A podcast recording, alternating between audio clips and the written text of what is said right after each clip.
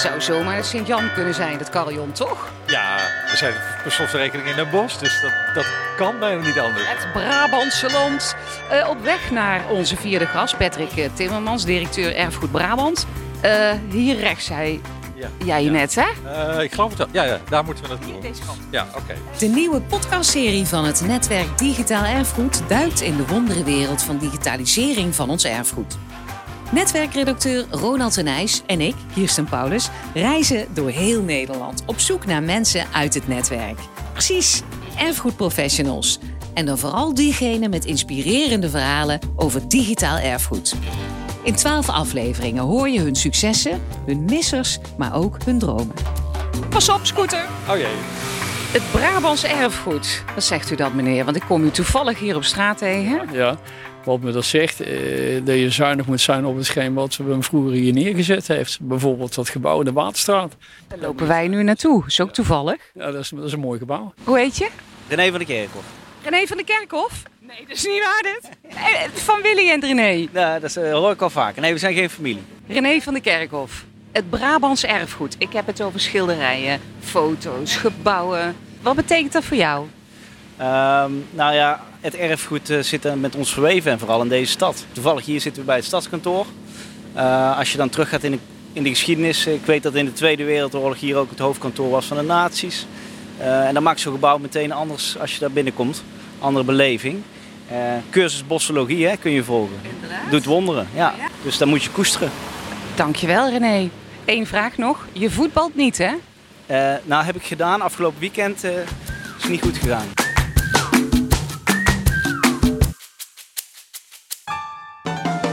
Wij zijn op weg naar Patrick Timmermans. Hij is directeur van Erfgoed Brabant. Eh, wat doet die organisatie precies, Ronald? Nou ja, het is een, een provinciaal erfgoedhuis. En eh, die heb je in elke provincie. En zij ondersteunen de erfgoedinstellingen. En in dit geval dus Noord-Brabant. Je hebt ze overal, zeg je, maar dit is een grote. Dit is een hele grote club met veel volume, hè? Het is een grote jongen.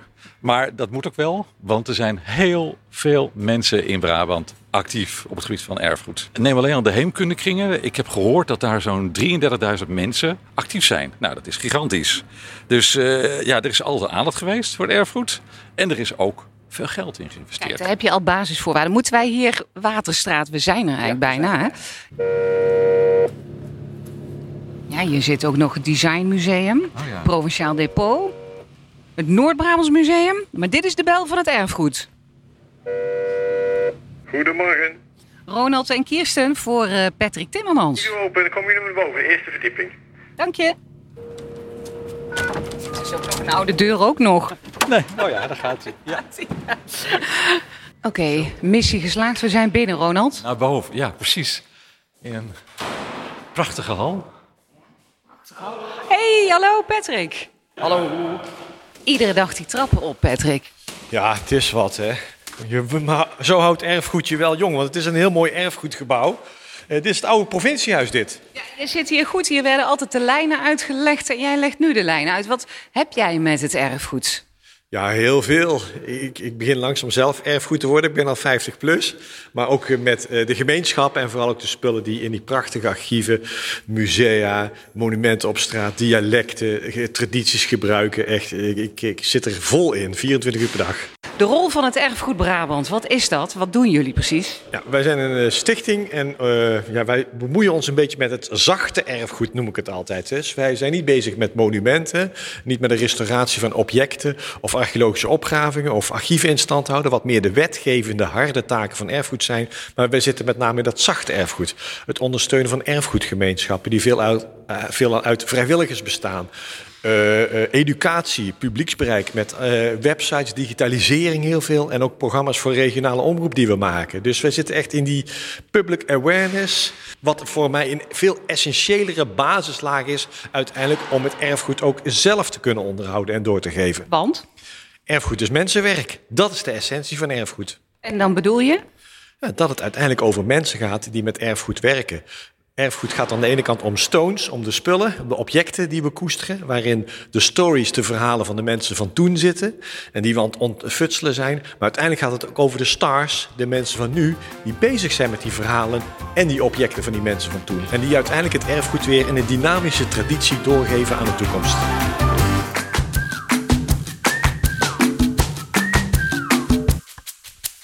We lopen Patrick even naar Naar beneden, naar onze geheime in-between kamer, onze Harry Potter kamer. Harry Potter kamer. Ja, daar weet je, kun je alleen maar komen als je weet hoe je er moet komen. Zeg maar eh, station 9 3 kwart. Ja, nou, laten we hem volgen. Zitten we, zitten we wel goed, Ronald?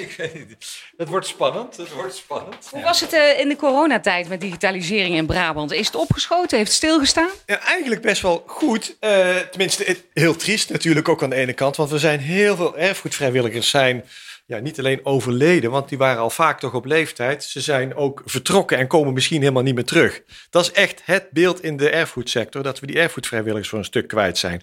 Maar er is ook positief nieuws. En dat is dat dankzij corona we elkaar hebben gevonden op digitale wijze. Mensen zijn massaal online gegaan met teams en alle systemen.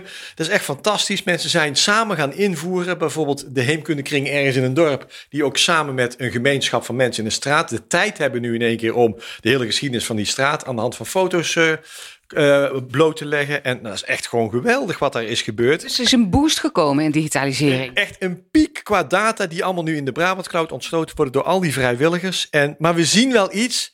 Het kan nog veel beter. Mensen kunnen nog beter in beeld komen. En daarom heb ik u naar deze ruimte gebracht. We gaan hier gewoon een online studio starten. Waarin we beter in beeld kunnen komen zelf als Erfgoed Brabant. Met andere producties, podcast en webinars. Wacht even, je gaat een studio bouwen. We gaan hier een studio bouwen. Studio EB hebben we het even genoemd. Erfgoed Brabant. Erfgoed Brabant. Het is eigenlijk een oude... Ja, Ronald, wat zie je? Ik zie twee kleine kamers gescheiden door een, door een muurtje met een gat erin. Ja. En heel veel archiefmappen en eh, dozen. Hier openen eh, Erfgoed Brabant de, dossiers. Dus er moet hier nog van alles gebeuren. Hè? Aan, aan het begin, maar de, de muur is doorbroken. En daar komt de regie en techniek. En hier komt dan ons studiootje, inderdaad. Het is niet groot. En iedereen kan het hier huren. De erfgoedinstellingen. Het is voor onszelf, maar vooral ook voor die erfgoedvrijwilligers. Om ze hier ook te trainen van hoe doe ik een goede presentatie? Hoe kan ik een podcast maken? Hoe kan ik mezelf online beter presenteren? Waarom is dat zo belangrijk dan? Ja, we moeten veel beter in beeld zijn. De tijd vraagt daarom. Het is niet alleen maar met tekst en geschreven tekst en websites maken. Nee, we moeten zelf in beeld zijn. Omdat we mij daarmee ook kunnen laten zien dat dat erfgoed gewoon mensenwerk is.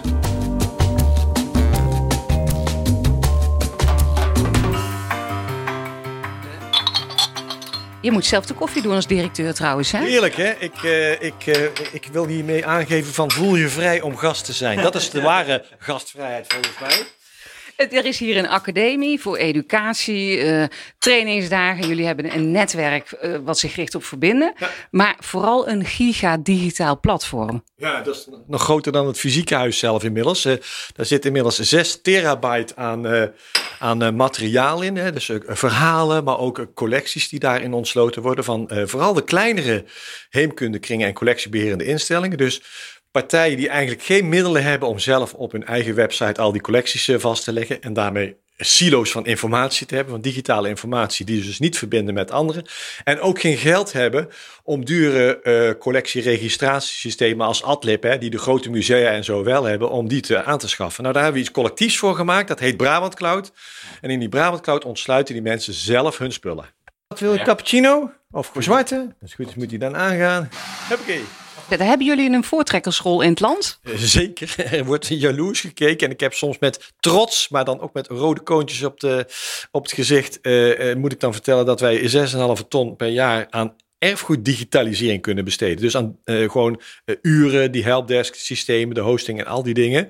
Maar er wordt er ook een heleboel van jullie verwacht natuurlijk. Ja, maar we doen ook veel met al die clubs. En, en ik kan me voorstellen dat, ik zeg maar Friesland, ik weet niet of het in Friesland zo is, maar ja, waar misschien een budget van een, een tiende daarvan is. Interprovinciaal werken kan ook betekenen dat je op een gegeven moment, hè, en, en daarmee werkt het netwerk, eh, digitaal netwerk ook zo goed, denk ik, ehm, of heeft die potentie om zo goed te gaan werken, is dat die provincies ook veel meer met elkaar gaan samenwerken. En dat je elkaar ook kunt beïnvloeden. Stel je voor dat er tien provincies zijn die allemaal een paar ton aan besteden, en er zijn er twee die er nog niet doen. Dan kunnen we in IPO-verband heel snel naar eh, die andere provincies stappen van luisters. Kijk eens dat hier fantastisch ligt voor je inwoners en voor het doorgeven van het erfgoed.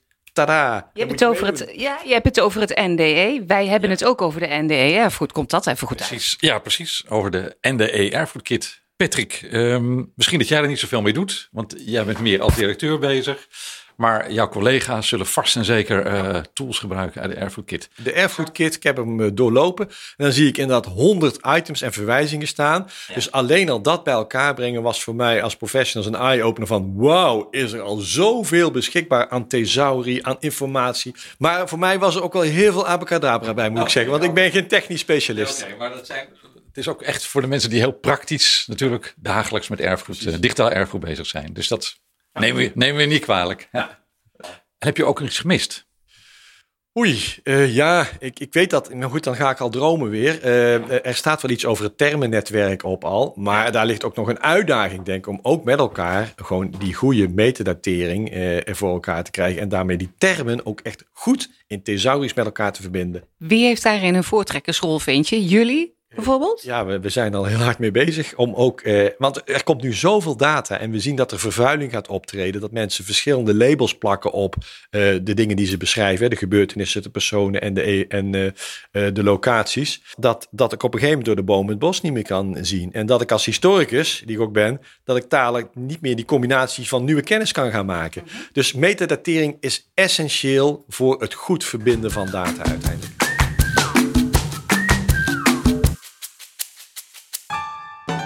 Patrick, we hebben allemaal hele mooie verhalen gehoord. Maar wat is er niet goed gegaan? Uh, ja, en dan kom je toch weer bij die techniek uh, terecht uiteindelijk. Uh, wij zijn natuurlijk in de sector, omdat we het eigenlijk maar klein zijn, hè, ten opzichte van de grote Microsoft en, en weet ik veel allemaal. We zijn natuurlijk maar een klein clubje en uh, het zou een lief ding waard zijn. En dan ga ik het over een droom hebben dat we op ja. een of andere manier in staat zijn, in open verband of in interprovinciaal verband of samen met het in het NDE, om die technici ook gewoon in huis te halen. Dat dat onze technici zijn die uh, ook dingen gaan ontwikkelen. Dat jullie een eigen technische afdeling? Nou, of binnen het NDE. Binnen het NDE. Ja, ja. Een soort vaagbaak. Uh, nou ja, met eigen ontwikkelaars die we kunnen aansturen ook. Hè? Want daar gaan wel dingen op mis.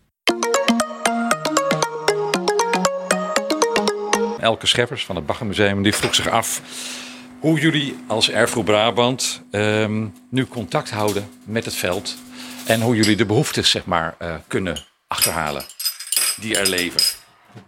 Dat is wel, ja, dat is zeker in deze coronatijd wel heel moeilijk geweest natuurlijk, omdat je niet fysiek bij elkaar kwam. Maar ja, ook dan biedt digitalisering weer in één keer een plek, omdat die mensen ook al digitaal vaardig zijn. Want dat is natuurlijk wel een ding. Hè? Je moet geen angst hebben voor die knoppen en om uh, in beeld te komen. Maar dat is er bij een heleboel mensen natuurlijk wel.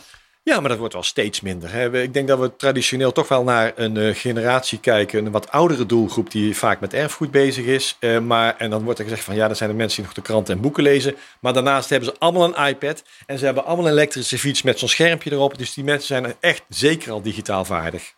Hoe heb je ze zover gekregen, al die clubs? Want ja, ze hebben hun erfgoed, maar iedereen wil het. Het is hun erfgoed. Dan sla je de spijker op de kop. Hè? Uh, het heeft een hele lange adem. Uh, en je hebt een lang traject nodig om een visie uit te dragen, met elkaar te delen. Ook om dat met mensen en hun behoeftes en hun ambities op te halen. Want wij verzinnen het niet, we verzinnen het als groep met elkaar. Daarom heet die voorkant ook van de Brabant Cloud Brabants erfgoed en niet erfgoed Brabant. Het is van ons samen. Maar het is een lange weg. Want inderdaad, ze zitten als moederkloek zitten ze op hun data. Hè, dat hebben we met bloed, zweet, tranen, geld, eigen energie erin gestopt. En het is van ons. En om dan één keer te gaan delen en dan de meerwaarde van dat delen te gaan zien, dat vergt heel wat. Hoe doe je dat? Nou ja, heel lang een verhaal vertellen van en met goede voorbeelden. Uh, en ook uh, de deelnemers zelf laten vertellen van wat het aan voordeel biedt om uh, data digita te digitaliseren en ze te ook te verbinden, te ontsluiten en met anderen te delen. Dus die deelnemers die vertellen het verhaal tegen andere deelnemers? Ja, dat komt dan bij regiobijeenkomsten van Brabants Hemen, de koepel van die heemkundekringen doen ze dat, maar ook op allerlei uh, deelnemersbijeenkomsten die we dan hebben. Zij verdienen het podium, niet wij. De volgende aflevering zijn we in, Ma uh, in Maastricht bij Klaartje Rasterhoff van de Universiteit Maastricht. Zij is historicus en een hele mond vol gespecialiseerd in cultuuronderzoek met gebruik van digitale methoden. Wat zou jij aan haar willen vragen? Mijn vraag is hoe je met een bak aan digitale erfgoedinformatie, de big heritage data, aan wetenschappelijke reflectie, synthese, analyse kunt gaan doen. Of je daarmee nieuwe kennis kunt genereren. Voorbeeld, in de kanon staat, hè, in ons collectieve geheugen van bijvoorbeeld in het katholieke zuiden, dat de pastor vroeger langskwam en dat hij dan vroeg van komt er nog een kindje. Hè? Zo, dat, dat, dat, zit echt, ons, echt bij ons in. Ik vraag me dat dus daadwerkelijk af. Daar zou ik wel eens wetenschappelijk onderzoek naar willen laten doen. En hoe mooi zou het dan zijn als je allerlei data hebt van personen die zelf al die verhaaltjes hebben ingeklopt in een Brabant Cloud. En wat er dan blijkt van, ja, dat stond wel in de wet of dat moest wel van meneer de bisschop. Maar in de praktijk gebeurde dat helemaal niet. Dat is onze ervaring. Dus al die geheugens die je dan deelt, wat voor wetenschappelijke analyse kun je daarop loslaten en daarmee nieuwe historische kennis genereren. Patrick, hartelijk dank. Houden we. Zo, richting de uitgang. De deur gaat automatisch open hier. Automatisch open, ja. Nou, we hebben heel veel verhalen gehoord van uh, Patrick. En wat, ons, wat mij vooral bijblijft is hoe hij toch al die instellingen heeft meegenomen om hun erfgoed digitaal beschikbaar te maken. Eigenlijk wat hij zegt, mensenwerk. Het is mensen, precies, ook dat. Het is echt mensenwerk. Daar staan we eigenlijk niet genoeg bij stil, denk ik. Digitalisering is vooral uh, digitaliseren, maar het gaat eigenlijk vooral om de mensen die het doen. En hij gaat altijd maar door. Hij heeft nou weer een studio waar dan uh, uitzendingen weer ja, uitkomen. Dus, dus, eigenlijk, hij is ook continu bezig met innovaties. Uh, ja, hij staat, niet, hij staat nooit stil. Klein straatje, er komen heel veel auto's. Volgende keer zijn wij in het zuiden in Maastricht. Bij Klaartje Rasterhof van de Universiteit Maastricht. Tot dan. Tot dan. Houdoe hè. Houdoe. Ja, Alle podcastafleveringen van Paulus en de Nijs op reis door het digitaal erfgoed kun je terugluisteren via Spotify. Tot de volgende!